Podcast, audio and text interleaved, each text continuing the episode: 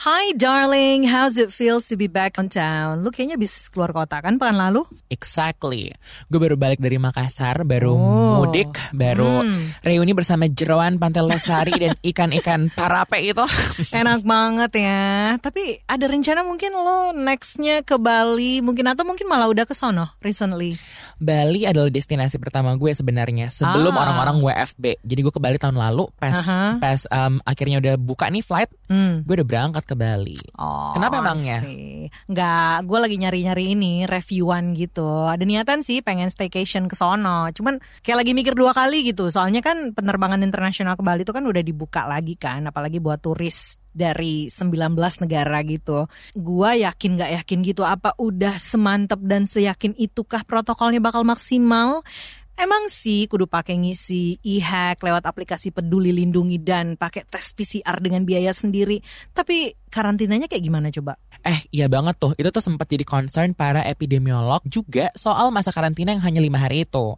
Kalau hasil riset dan standar dari beberapa negara kan masa karantina seharusnya dilakukan minimal tujuh hari. Hmm. Nah ini untuk mengantisipasi periode penularan COVID-19. Kuatirnya, jika masa karantina cenderung singkat, justru malah jadi celah penyebaran COVID-19 nggak sih?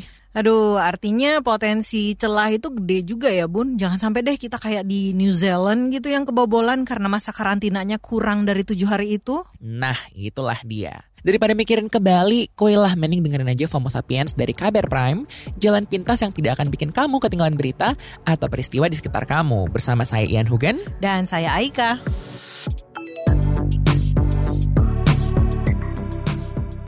Beb, Hmm, tadi lo ngapain sih kok serius banget? lagi jualan gue, jualan, jualan. Nyari duit, duit, cuan. Jualan apaan, Bun?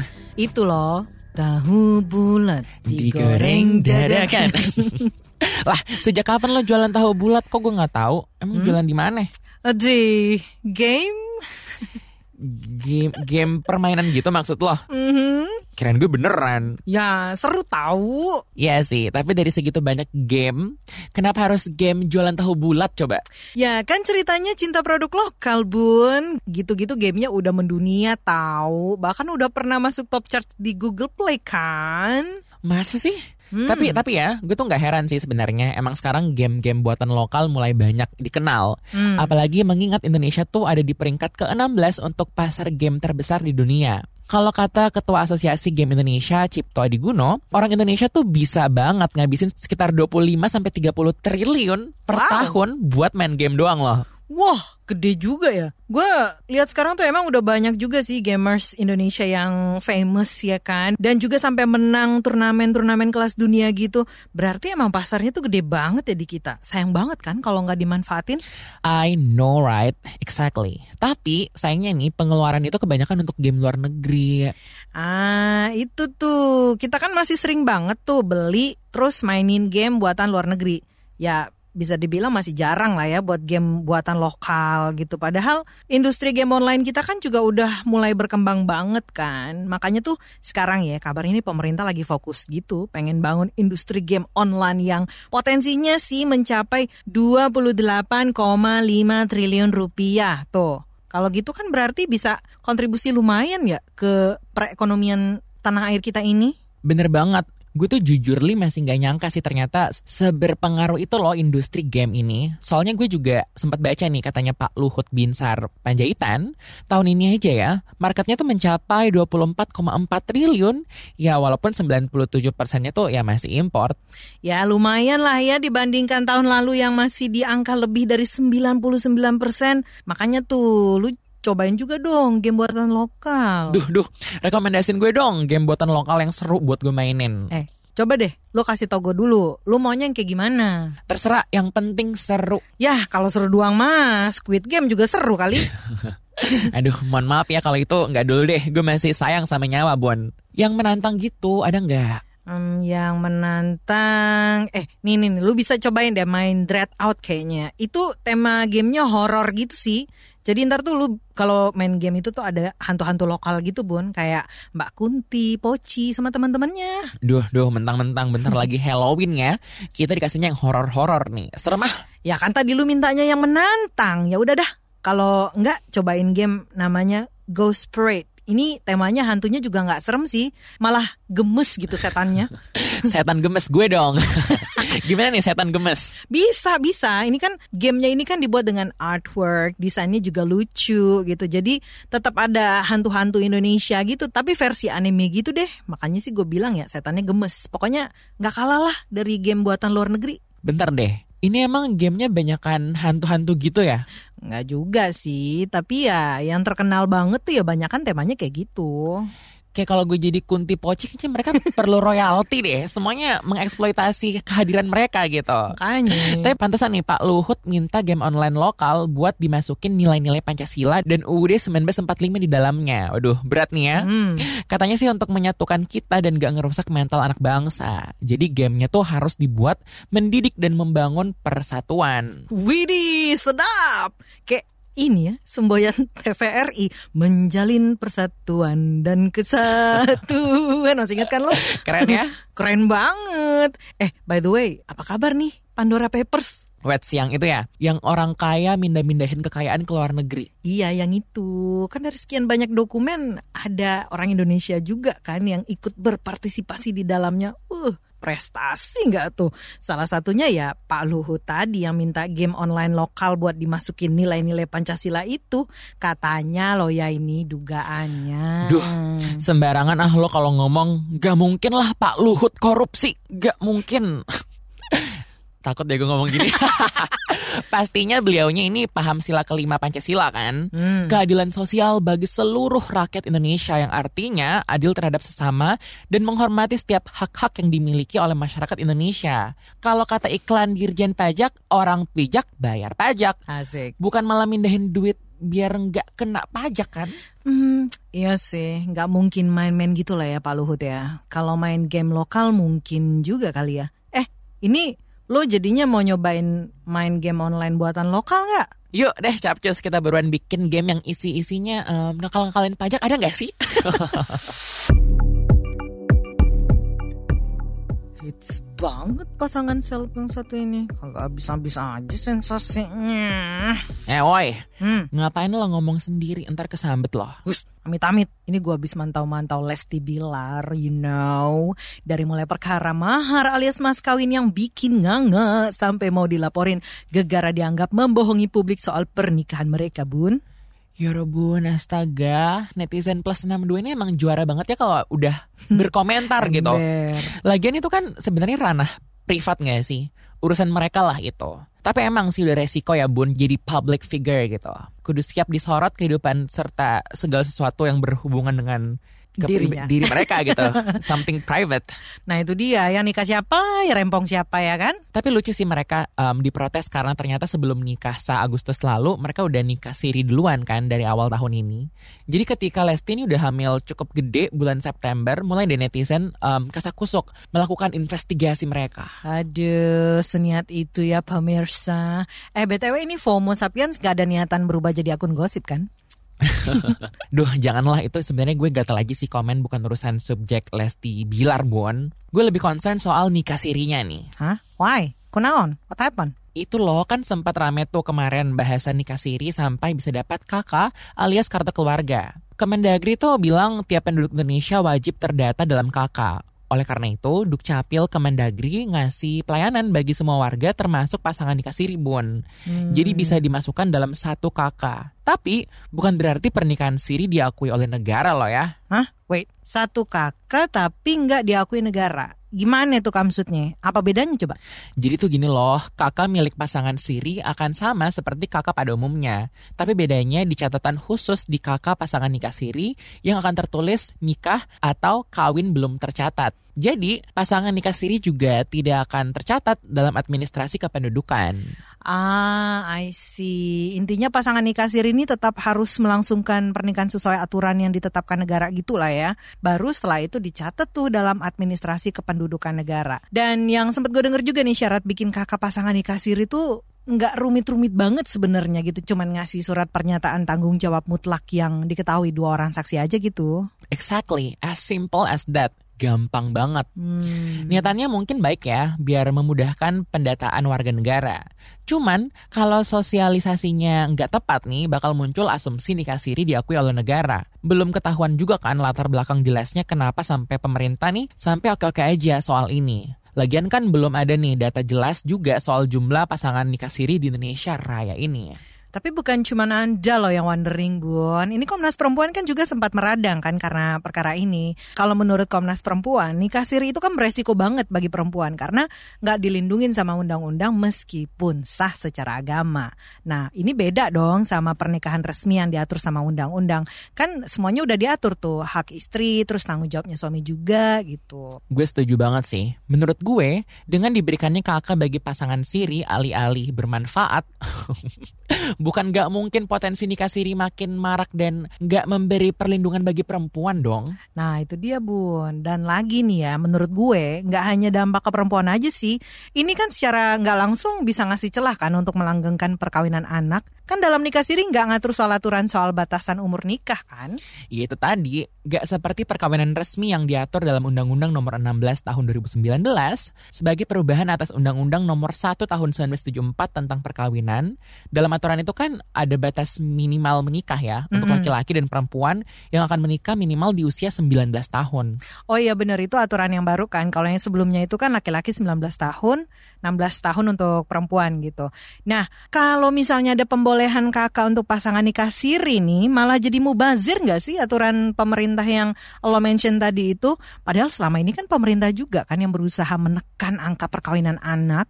Nah, that's the point. Catatan aja nih ya Bun, Indonesia menduduki peringkat kedua di ASEAN dan peringkat ke-8 di dunia untuk kasus perkawinan anak. Menurut Koalisi Perempuan Indonesia tahun 2019 kemarin dalam studi mereka nih, menemukan bahwa satu dari delapan remaja putri Indonesia sudah melakukan perkawinan sebelum usia 18 tahun. Duh. Duh, MG, I cannot imagine. Gak kebayang deh nih nikah siri. Udahlah gak diakuin jadi istri sah. Gak berhak dapat nafkah atau warisan dari suami. Belum lagi memungkinkan si laki-laki untuk poligami. Hmm, masih mau loh nikah siri. Duh, it's a big no, no, no, honey. Daripada ngasih kakak buat pasangan nikah siri, gimana kalau pemerintah mendorong pasangan nikah siri untuk menikah resmi dulu? Ya nggak sih? Gue pikir sih it's lebih make sense ya, Bun. Lagian kalau yang namanya tuh perlindungan, itu kan udah jadi hak setiap warga negara kan. Bukan perkara dokumen semata aja. Exactly. Dan juga ya, menghindarkan gue sih jujur dari laki-laki yang enggan bertanggung jawab.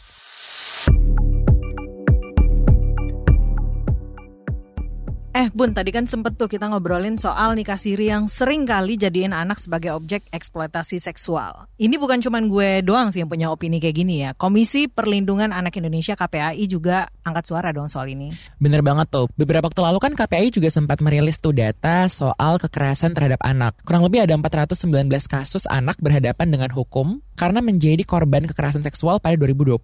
Selama pandemi tahun kemarin bun, astaga banyak banget nggak? Miris banget dengarnya. Eh, tapi lo sempat gak sih baca artikel yang ada di Project Multatuli itu? Itu hmm. loh kasus kekerasan seksual yang dialami tiga anak kakak beradik di Luwu Timur.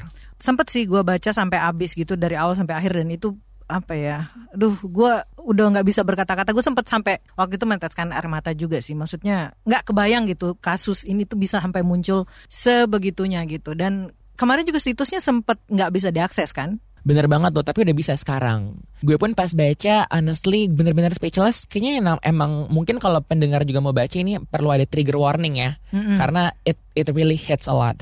Tapi kita pengen tahu juga nih akhirnya dibuka lagi nggak sih kasusnya? Lu bayangin kan terduga pelakunya itu adalah ayahnya sendiri gitu yang notabene adalah seorang ASN alias PNS.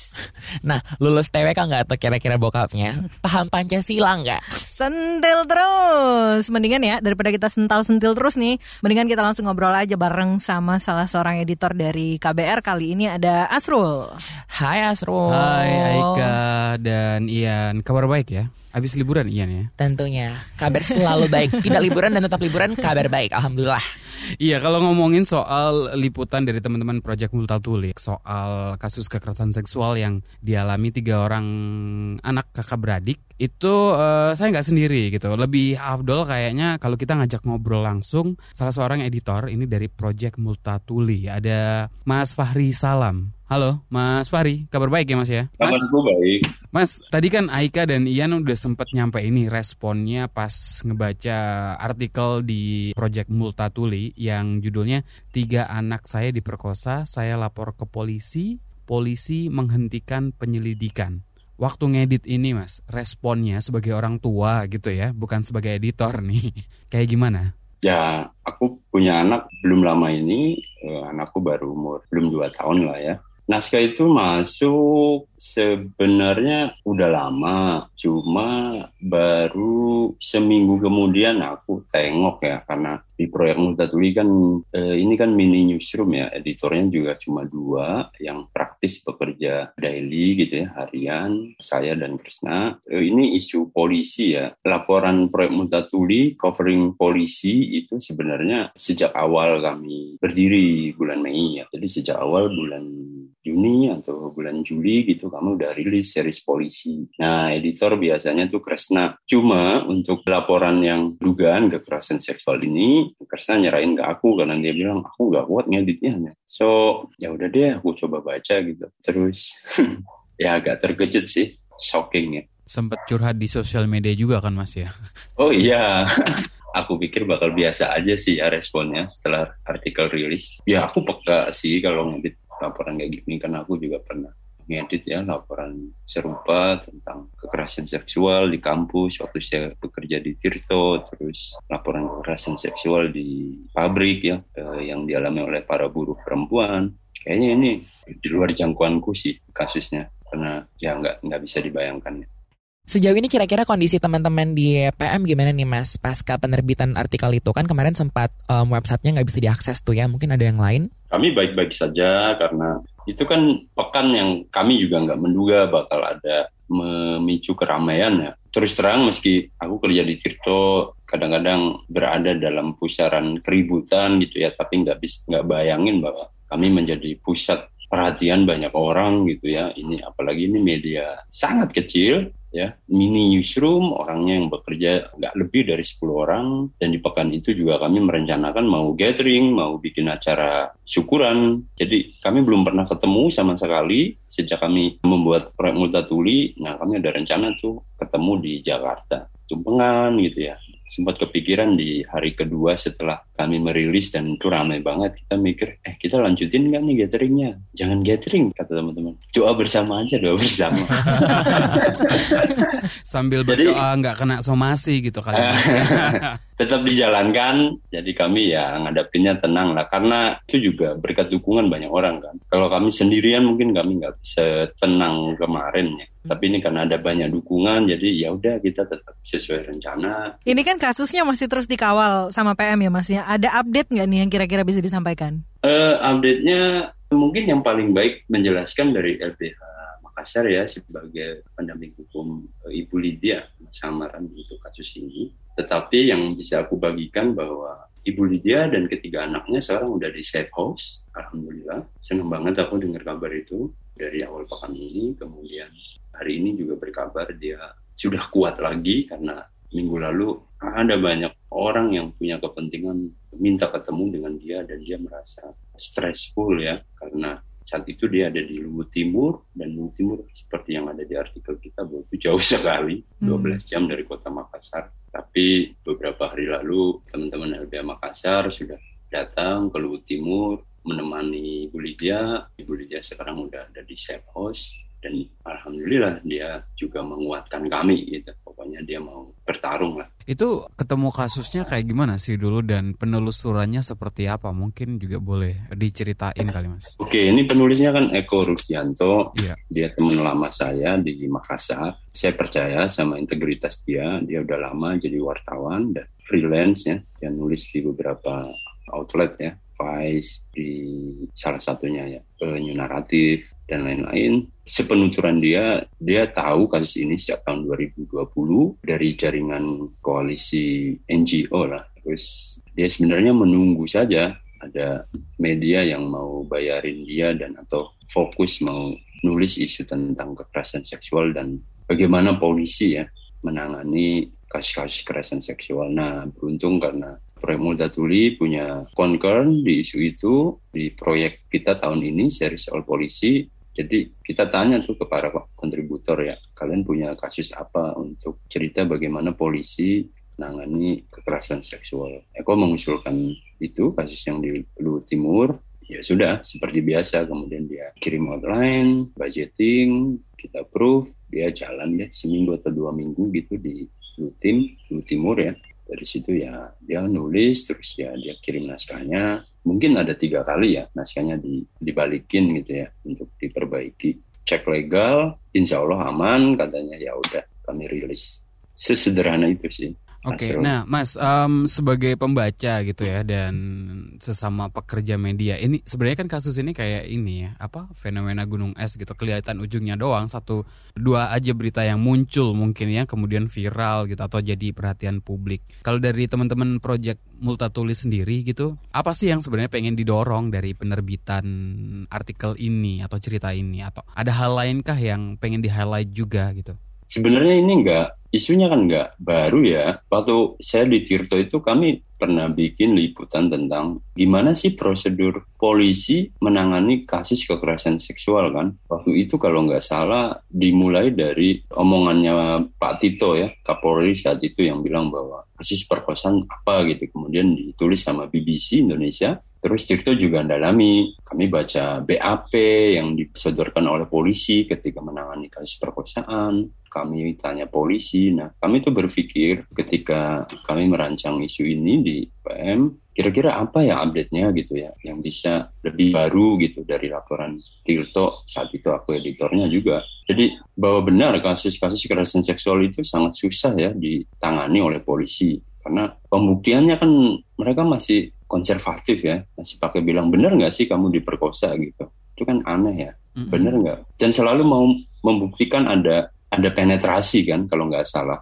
Ya dan hukum legal di Indonesia itu juga kan masih masih terbatas ya. Makanya kan ada dorongan supaya rancangan undang-undang penanganan KS ya mm-hmm. itu segera disahkan. Itu kan molor lama sekali. Yang disunat banyak pasalnya itu mm-hmm, yang disunat banyak pasal dan Padahal apa yang diusulkan oleh teman-teman koalisi, teman-teman Komnas Perempuan kan udah sangat bagus ya, sangat rigid gitu ya. Jadi kekerasan seksual nggak cuma lu sama korban ada penetrasi tapi juga abusif ya hmm. manipulasi itu kan termasuk kekerasan seksual. Nah sayangnya oleh hukum di Indonesia itu nggak mengakomodasi itu ya. Nah ditambah penanganan di APH aparat penegak hukumnya juga bukan saya saja ya tapi banyak contoh yang menjelaskan bahwa kurang kompeten gitu ya. Nah saya pikir kasus dulu Timur itu juga menggambarkan itu, merepresentasikan itu. Terus terang saya juga kaget karena ini kan isu yang tidak baru ya, sama sekali tidak baru. Semua orang tahu gitu ya. Kasus-kasus itu biasanya juga lama gitu ya ditangani oleh polisi. Ada banyak laporan dari beberapa lembaga juga yang bilang bahwa sekian, mungkin LBH juga punya datanya ya, sekian puluh yang ditangani diadvokasi oleh mereka. Mungkin cuma dalam hitungan jari kasusnya itu bisa sampai ke vonis gitu ya. Nah itu persis dari cerita di LBH Makassar juga sama. Mereka menangani kasus 23 kasus hanya tujuh yang sampai vonis. Kalau nggak salah ya. Eko itu menyisipkan data itu di tulisannya. Nanti saya buang karena ya itu nanti aja lah kalau soal data story gitu. Pikir pembaca lebih fokus ke ceritanya Bu Lydia dan ketiga anaknya dan bagaimana polisi menangani kasus itu. Nah, dan, Mas Fahri, ya. setelah dari artikel yang kemarin gitu, apakah akan ada artikel lanjutan? Mau, maunya. Kami ingin terus memantau kasus Ibu Lydia kan karena hmm kami yang memulai, kami juga harus terus memfollow up. Kami terus update dengan Ibu Lydia, misalnya ada kebutuhan apa, kebutuhan apa, ya kami ikut juga membantu gitu ya. Ya jurnalisme di proyek Muda Tulis seperti itu. Sampai tuntas kasusnya gitu ya? Maunya begitu, mas. maunya begitu. Superman biseksual, MUI protes. Well, kalau pernyataan Majelis Ulama Indonesia MUI dibilang sebagai protes, itu understatement sih. Wakil Ketua Umum MUI Anwar Abbas meminta agar pemerintah Indonesia melarang peredaran komik Superman yang baru terbitan DC Comics. Anwar menilai komik Superman difungsikan untuk kepentingan sosialisasi paham LGBT. Wait, menurut dia biseksualitas itu bukan orientasi seksual? What? Orang-orang biseksual menghadapi penghapusan identitas karena anggapan masyarakat mengenai seksualitas yang heteronormatif, bahwa orientasi seksual itu cuma satu. Lainnya hanya paham kalau orientasi seksual lainnya adalah homoseksualitas, gay atau lesbian. Visibilitas orang-orang yang mengidentifikasi diri sebagai biseksual seperti John Kent dalam komik Superman yang baru ini penting banget. Itu karena eksistensi mereka nggak cuma dipinggirkan oleh masyarakat yang heteronormatif, tapi juga komunitas gay atau lesbian. Ada beberapa definisi mengenai apa itu biseksualitas. Pertama, ada yang mendefinisikan biseksualitas sebagai ketertarikan pada dua jenis kelamin. Kedua, ketertarikan pada dua jenis kelamin atau lebih, dan definisi ketiga adalah ketertarikan pada dua kelompok orang. Mereka yang memiliki kesamaan jenis kelamin dan jenis kelamin yang berbeda. Selain ketiga definisi yang barusan disebutkan, ada yang juga mendefinisikan pengalamannya dengan biseksualitas sebagai ketertarikan secara romantis dan atau seksual terhadap lebih dari satu jenis kelamin. Gak harus pada saat yang sama dengan cara yang sama atau dengan tingkat yang sama. Dalam komik Superman yang akan terbit pada November mendatang, John menggantikan ayahnya, Clark Kent, sebagai Superman. John bakal digambarkan menjalani hubungan romantis dengan seorang jurnalis laki-laki, Jay Nakamura. DC Comics mengumumkan Superman sebagai pria biseksual pada hari Senin bertepatan dengan National Coming Out Day, hari kesadaran LGBT tahunan yang dimulai di Amerika Serikat.